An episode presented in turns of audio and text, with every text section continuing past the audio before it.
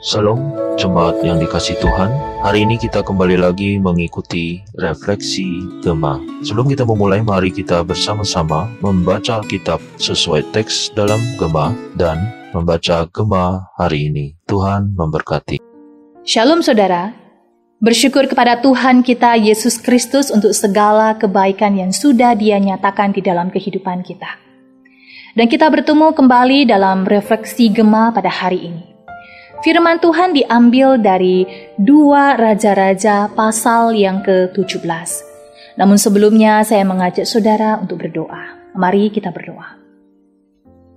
Bapa di dalam surga, terima kasih untuk kasih dan setiamu kepada kami hingga hari ini.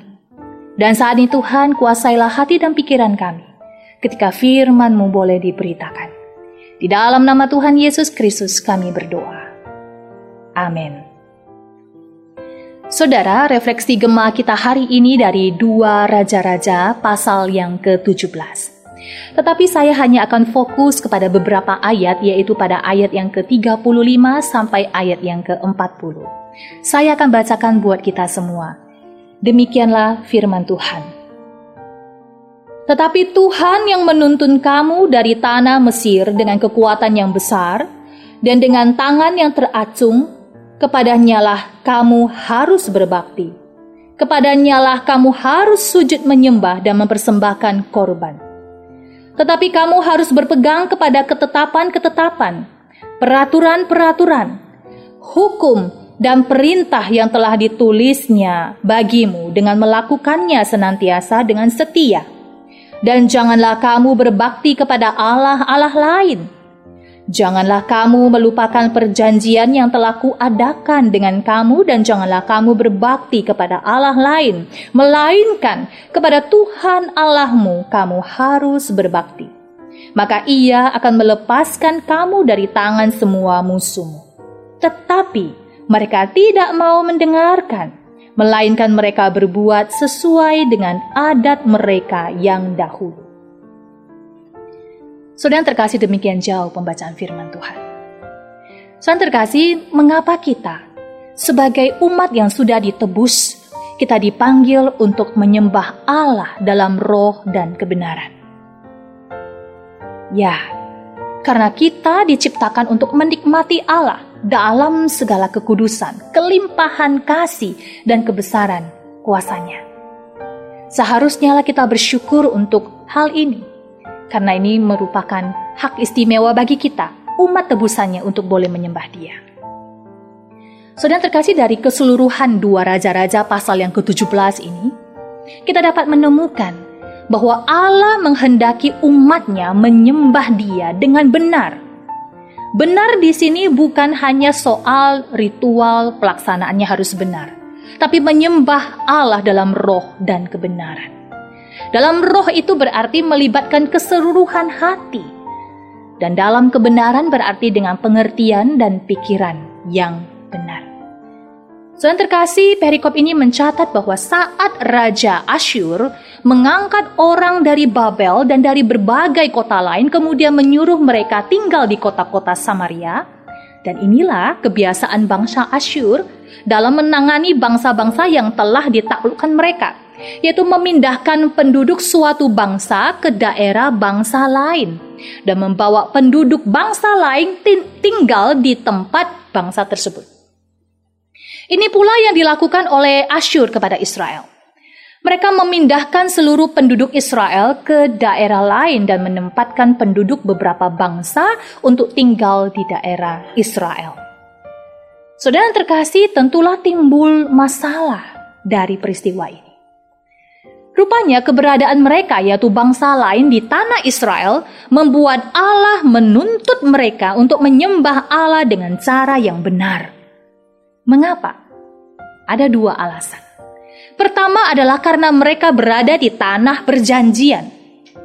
Saudara, tanah perjanjian selain di sana menjadi tempat tinggalnya bangsa Israel, Tanah perjanjian ini juga diperuntukkan bagi umat untuk menyembah Allah yang hidup, Allah yang benar, Allah yang kudus, Allah yang mulia. Di situlah nama Allah dinyatakan. Itulah sebabnya Allah membinasakan orang-orang Kanaan karena mereka hidup dengan penuh dosa di tanah itu. Alasan yang kedua adalah karena mereka tinggal bertetangga dengan Yehuda. Sedang terkasih bangsa-bangsa lain yang tidak mengenal Allah, mereka punya kebiasaan hidup yang rusak dan mereka adalah penyembah-penyembah berhala. Tentu saja hal ini akan mempengaruhi Yehuda yang ada di sebelah selatan mereka. Karena itulah Tuhan ingin memurnikan cara beribadah mereka dengan benar. Kemudian di dalam dua Raja-Raja pasal yang ke-17 ayat yang ke-25 mengatakan bahwa bangsa-bangsa itu tidak takut akan Tuhan.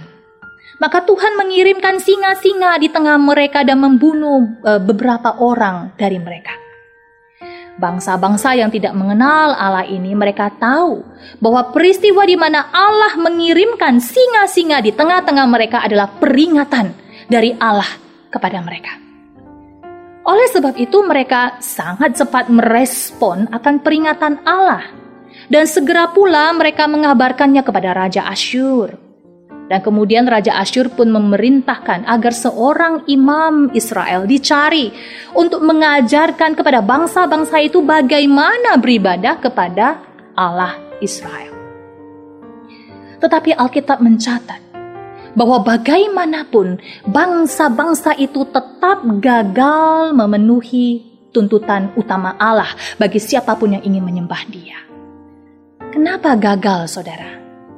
Jawabannya adalah karena mereka menganggap Allahnya bangsa Israel sebagai salah satu sembahan saja. Mereka menyembah Allah yang benar, tapi mereka juga menjalankan ibadah penyembahan berhala. Istilah lainnya adalah menyembah Allah yang benar, tapi dengan cara yang salah. Oleh sebab itu, saudara, Tuhan mengingatkan bangsa Israel untuk tidak dipengaruhi oleh bangsa mana pun. Demikian juga Tuhan memerintahkan kepada kita hari ini untuk terus menjaga kemurnian dari keseluruhan hidup kita, hati kita, dan cara berpikir kita untuk menyembah Allah. Menyembah Allah dalam roh dan kebenaran. Itulah yang Allah tuntut dari kita, tuntut dari kita semua yang adalah umatnya. Mari saudara, milikilah hati yang sungguh-sungguh terarah ketika kita datang menyembah dia. Saudara, mari kita berdoa.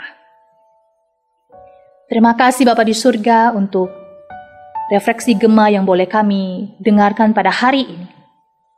Tuntunlah kami supaya kami tetap di jalanmu. Tuntunlah kami supaya kami sungguh-sungguh boleh menyembah Engkau di dalam roh dan kebenaran. Terima kasih. Di dalam nama Tuhan Yesus Kristus, kami berdoa. Amin. Tuhan Yesus memberkati.